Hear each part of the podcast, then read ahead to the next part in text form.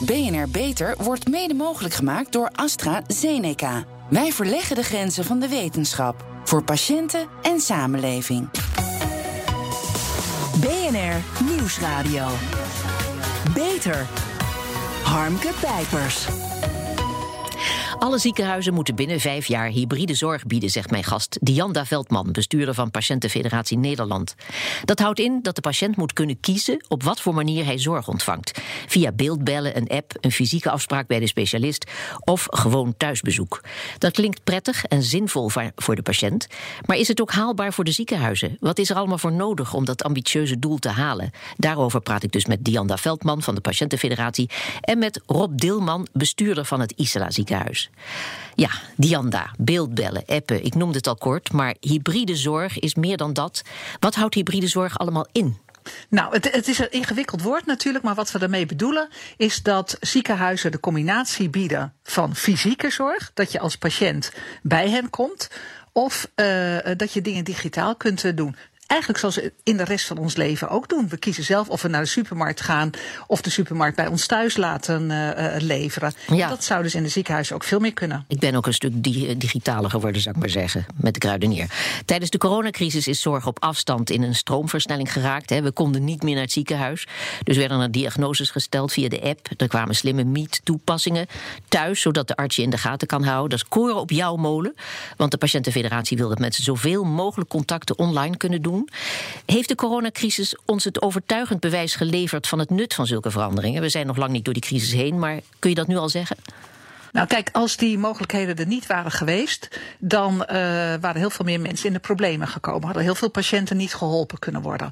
Tegelijkertijd uh, zien we ook dat heel veel zorgverleners nu een beetje over die drempel, over die aarzeling heen zijn gekomen. Ze zijn nu gewend om, uh, om bijvoorbeeld te beeld bellen.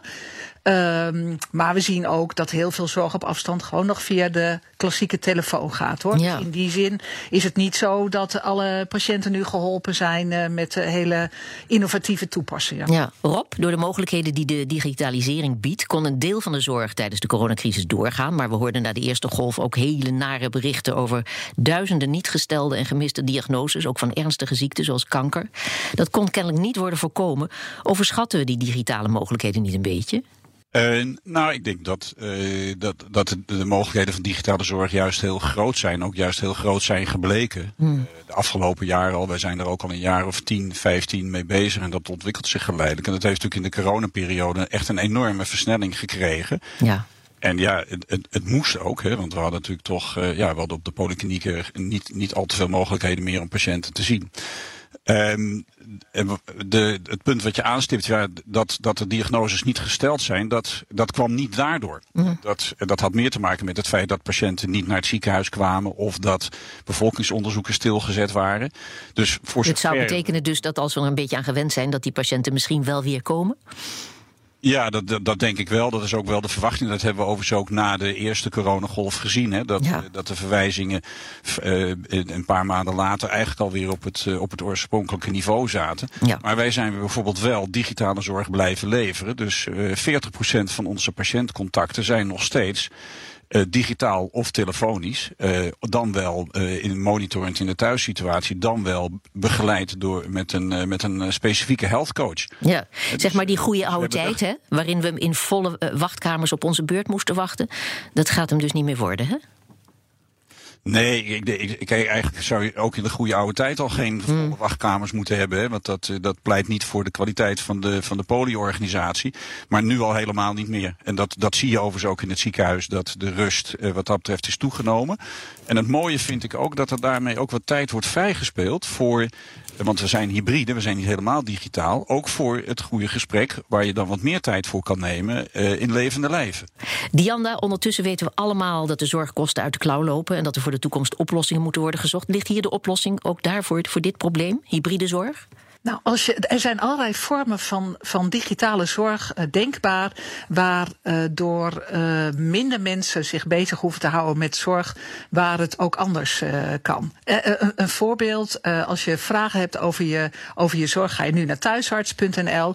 Thuisarts kan veel slimmer worden, waardoor je echt een persoonlijk antwoord krijgt. Dan is er geen dokter meer nodig en dan kan de dokter zich met andere dingen bezighouden. Ja. Dus wat ik hoop, is dat door, door digitale zorg veel meer patiënten met veel meer vragen geholpen kunnen worden voor hetzelfde geld. Uiteindelijk, want je moet wel eerst investeren. Ja, Rob, het Isala ziekenhuis, hè, een groot regio ziekenhuis met vijf locaties waar jij werkt, doet en deed al heel veel aan hybride zorg, ook voor de coronapandemie. Via beeldbellen, digitale health coaches, het monitoren van de patiënt thuis. Maar uh, ook uh, dat beeldbellen of veilig mailen, maar ook om meer innovatieve vormen gaat het, hè, zoals telebegeleiding. Wat moet ik daaronder verstaan? Nou ja, je kunt bijvoorbeeld uh, voor een specifieke patiëntgroep, bijvoorbeeld met hartfalen, kan je een coach ontwikkelen. En dan kunnen mensen in de thuissituatie kunnen hun oefeningen doen, kunnen, kunnen ook begeleid worden, kunnen ook hun hartslag bijhouden. We kunnen uh, COPD-patiënten, gebeurt op veel andere plekken ook, mensen met, met een uh, ja, bemoeilijkte ademhaling en beperkte longcapaciteit, kan je ook op afstand monitoren, kan je ook op afstand begeleiden. Ja. Uh, dus ze zeggen wel eens, ja, het is zorg op afstand, maar ik doe het eigenlijk liever zorg dichtbij. Ja. En ik vind de essentie niet zozeer dat het, dat het nou goedkoper zou zijn. Het is veel beter. Het, is, het geeft meer regie aan patiënten en het voorkomt daarna wel weer bijvoorbeeld spo spoedopnames in het ziekenhuis. Ja. en maar, is in die zin dus ook even efficiënter. Ja, maar mensen worden zelfs thuis opgenomen hè, onder verantwoordelijkheid van het ziekenhuis. Hoe, hoe werkt dat? Leg eens uit. Nou, dat doen wij bij bepaalde categorieën patiënten. Bijvoorbeeld met een licht myocardinfarct, een hartinfarct of, uh-huh. of, andere aandoeningen waarbij mensen onder onze verantwoordelijkheid thuis verblijven. Dan monitoren wij ze, we houden ze in de gaten. En er komt regelmatig een verpleegkundige langs om, eh, om, om te checken of alles goed gaat. Ja, maar daar lig je dan in je up met corona care, met connect care. Ik weet niet hoor, is, is dat prettig? Nou, we doen, we doen het met coronapatiënten overigens ook. Hè. Dus die, uh, die zijn ook thuis met zuurstof, met, een, met een monitoring vanuit het ziekenhuis, uh, in contact met de huisarts. Dus ook dat gaat prima. Mensen ontlenen daar heel veel geruststelling aan. Jullie lopen nu voorop in deze vorm van zorg, maar wat zijn de financiële consequenties voor het ziekenhuis? Want lopen jullie ook uh, geld mis? Ja, tot op zekere hoogte wel. Kijk, sommige van, uh, sommige van deze vormen van zorg, daar is eigenlijk geen declaratietitel voor, dus dat kan je het niet declareren. Nee. Soms is er wel een titel, kan je declareren, maar dan kan je het niet goed afspreken met alle verzekeraars. En hooguit met één. En, het, en het, daarnaast heb je natuurlijk de situatie dat in de aanloopperiode je, uh, nou, je geld investeert. Uh, je moet je zorgprocessen omgooien. Dat, dat zijn vrij, uh, vrij ingrijpende operaties, ook om op te kunnen schalen.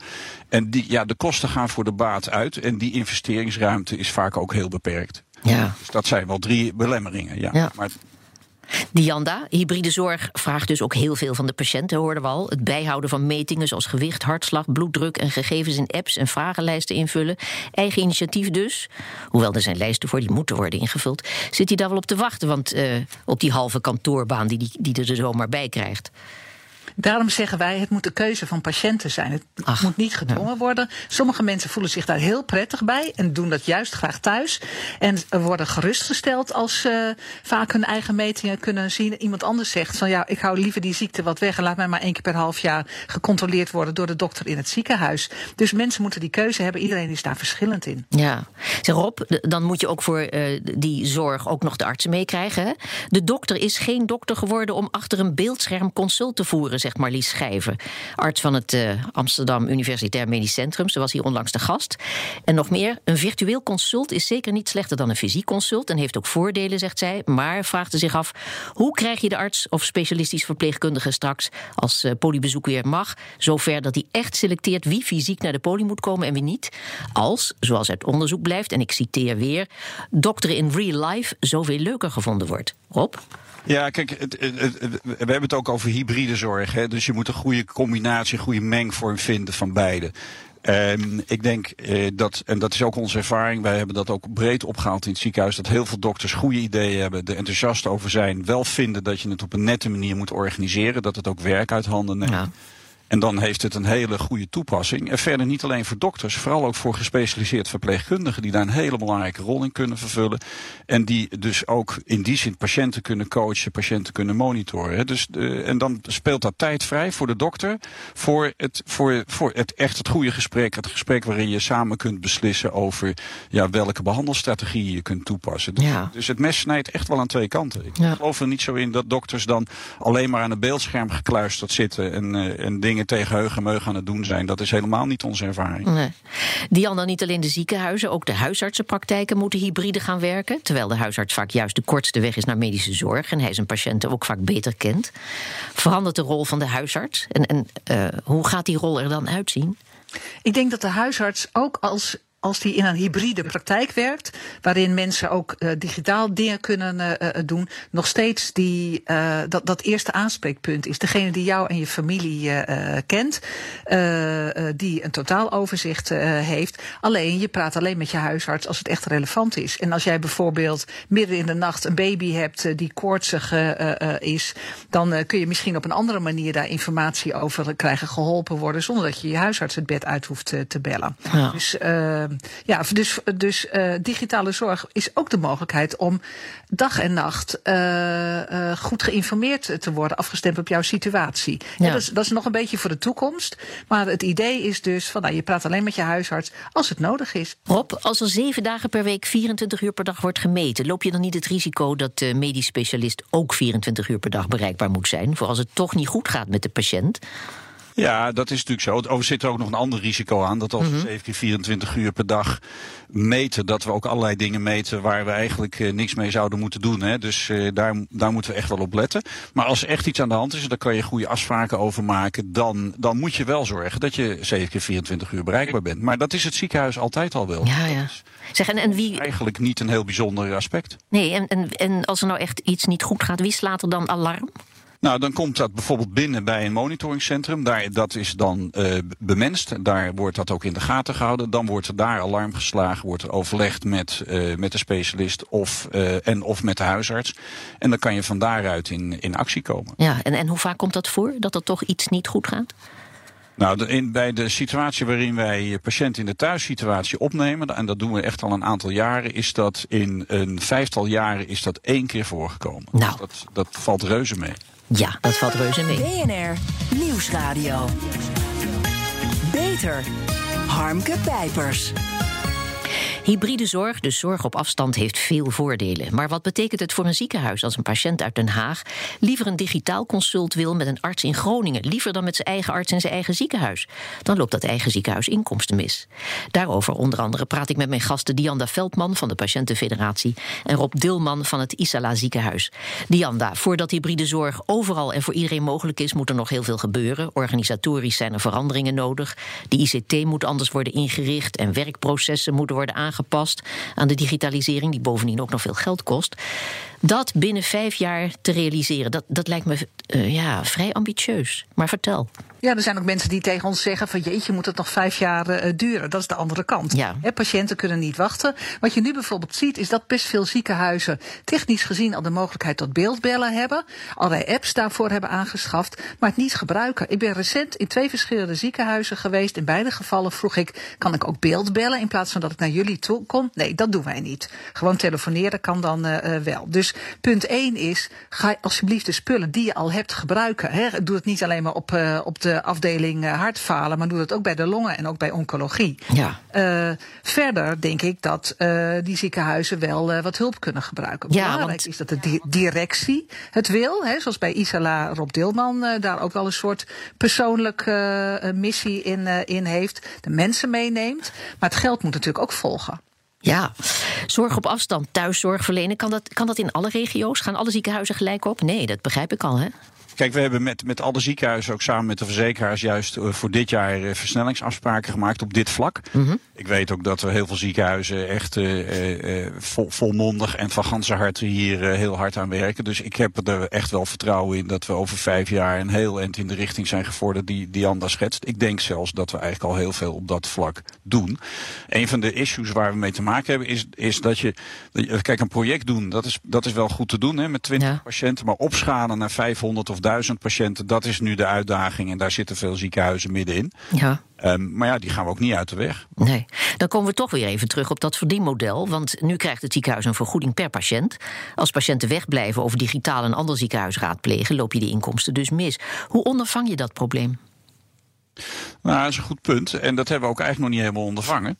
Kijk, ik denk dat over grote afstand over het hele land heen is dat nu nog niet zo'n issue. Uh, nee. Wij begeleiden geen patiënten uit, uit Noord-Holland, zeg maar.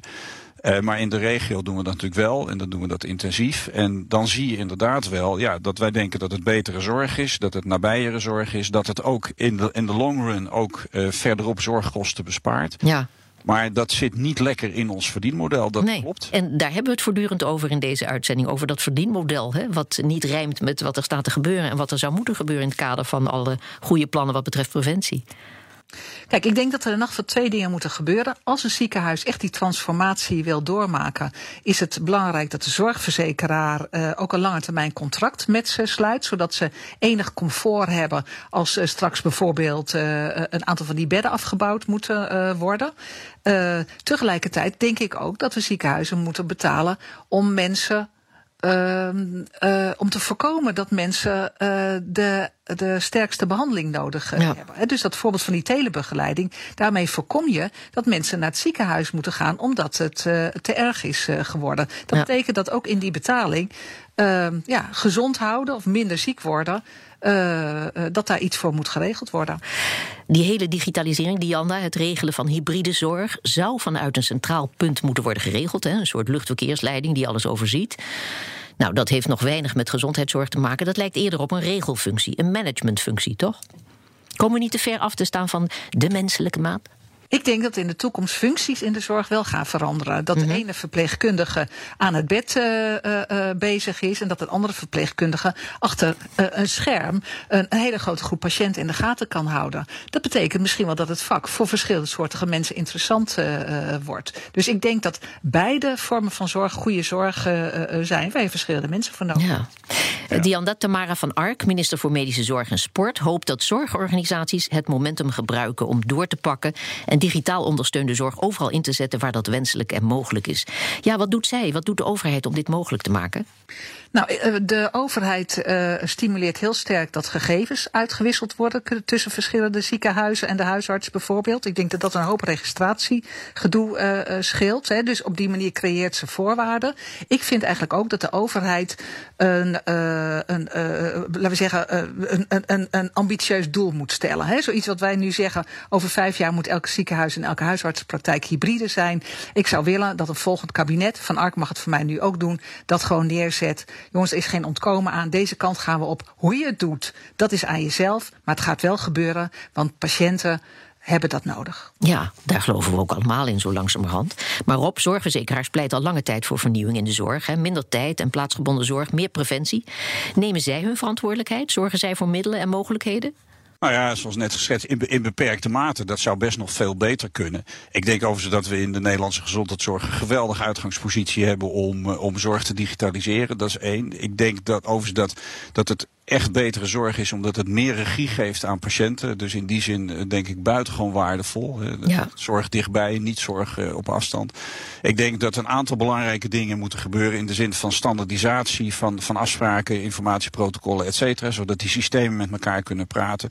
En ruimte creëren, dat kan ook via het uh, Wopke Wiebesfonds, om een stevige investering te doen in deze vorm van zorg. Die verdient zich, naar mijn gevoel, de, af de komende jaren absoluut terug. Dus ik denk dat het eigenlijk wel breed is voor een zorgbrede alliantie. Dus zoals ik Dianda daarover hoor spreken, ja, daar ben, daar ben ik absoluut uh, heel enthousiast over om dat Mhm. mm -hmm. pad met elkaar te gaan bewandelen. Ja, wanneer zal dit, uh, deze zorg uh, ingeburgerd zijn, Dianda en Rob? Wat denken jullie? Ja, ik, ik, ik, denk dat dat voor sommige patiëntgroepen nu al het geval is. Dat zien we ook rondom COVID, dat dat eigenlijk nu al het geval is. En de acceptatiegraad neemt heel erg snel toe. Ik denk eigenlijk dat, we, dat het al gebeurd is en dat het nu een kwestie is van volhouden en verder. Alleen niet iedereen weet het nog. We hebben een mooie campagne, thuis kan het ook.nl. Daar kunnen mensen er ook meer over uh, lezen, wat er zoal uh, kan aan digitale vorm. Ja, dat is een titel die voor velerlei uitleg vatbaar is, maar het is mooi. Thuis kan het ook. Daar sluiten we je af. Hartelijk dank, Dianda Veldman en Rob Dilman. Zorgvernieuwers. De ontwikkelingen in de zorg zijn volop in beweging. Nieuwe medicijnen, apparatuur en behandelmethoden maken het leven van de patiënt beter en het werk van de specialist makkelijker. Er zijn tientallen medicijnen en behandelingen tegen depressie. Tot nu toe was het vooral uitproberen wat bij de patiënt aansloeg. Maar daar komt nu verandering in. Door een kort hersenonderzoek uit te voeren, een EEG, wordt de kans van slagen bij antidepressiva veel groter. Martijn Arns is onderzoeksdirecteur van Brain Clinics en verbonden aan de Universiteit van Amsterdam. Maar tot nu toe was het dus vooral uitproberen, zei ik al, wat aanslaat bij de patiënt. Hoe kan het dat die verschillen per persoon zo groot zijn dat wat bij de een aanslaat bij de ander helemaal niet helpt? Ja, dat is natuurlijk toch de belangrijke vraag waar iedereen in geïnteresseerd is. Het, ja, het illustreert ook wel dat we een hele familie van behandelingen hebben. Van psychotherapie, medicamenten tot elektroshocktherapie aan toe. Uh, waarbij ja, eigenlijk door random toe te schrijven een klein gedeelte van de mensen maar geholpen wordt. Waarschijnlijk heeft het ermee te maken dat eigenlijk de, wat we aan de buitenkant beschrijven als een depressie. niet goed overeenstemt met wat je in de hersenen hoopt aan te treffen. En dat is denk ik ook de reden hè, waarom hersenactiviteit waarschijnlijk een betere voorspeller is uh, voor behandelrespons dan puur naar gedrag te kijken. Ja. En voor welke patiënt is dit geschikt? Voor iedereen die kampt met uh, depressie, met depressieve gevoelens? Ja, de groep van patiënten waar wij dit in onderzocht hebben. Om te beginnen hebben we een, is een heel groot vooronderzoek. Uh, hier heeft hier, uh, heeft hier aan de grondslag gelegen bij meer dan duizend patiënten. En uiteindelijk hebben de resultaten daarvan nu ook prospectief getoetst. Dat heet eigenlijk dat je het in de praktijk ook gaat testen of het daar werkt. En dan gaat het eigenlijk over de patiënten die uh, in ieder geval geïndiceerd zijn... waarvoor antidepressiva op dat moment wenselijk worden geacht. Ja. Het is natuurlijk niet zo dat mensen die heel ernstig aangedaan zijn... die alles al geprobeerd hebben, ja, dat is lastig. Wij kunnen met name voor drie hele medicamenten uh, differentieel voorspellen.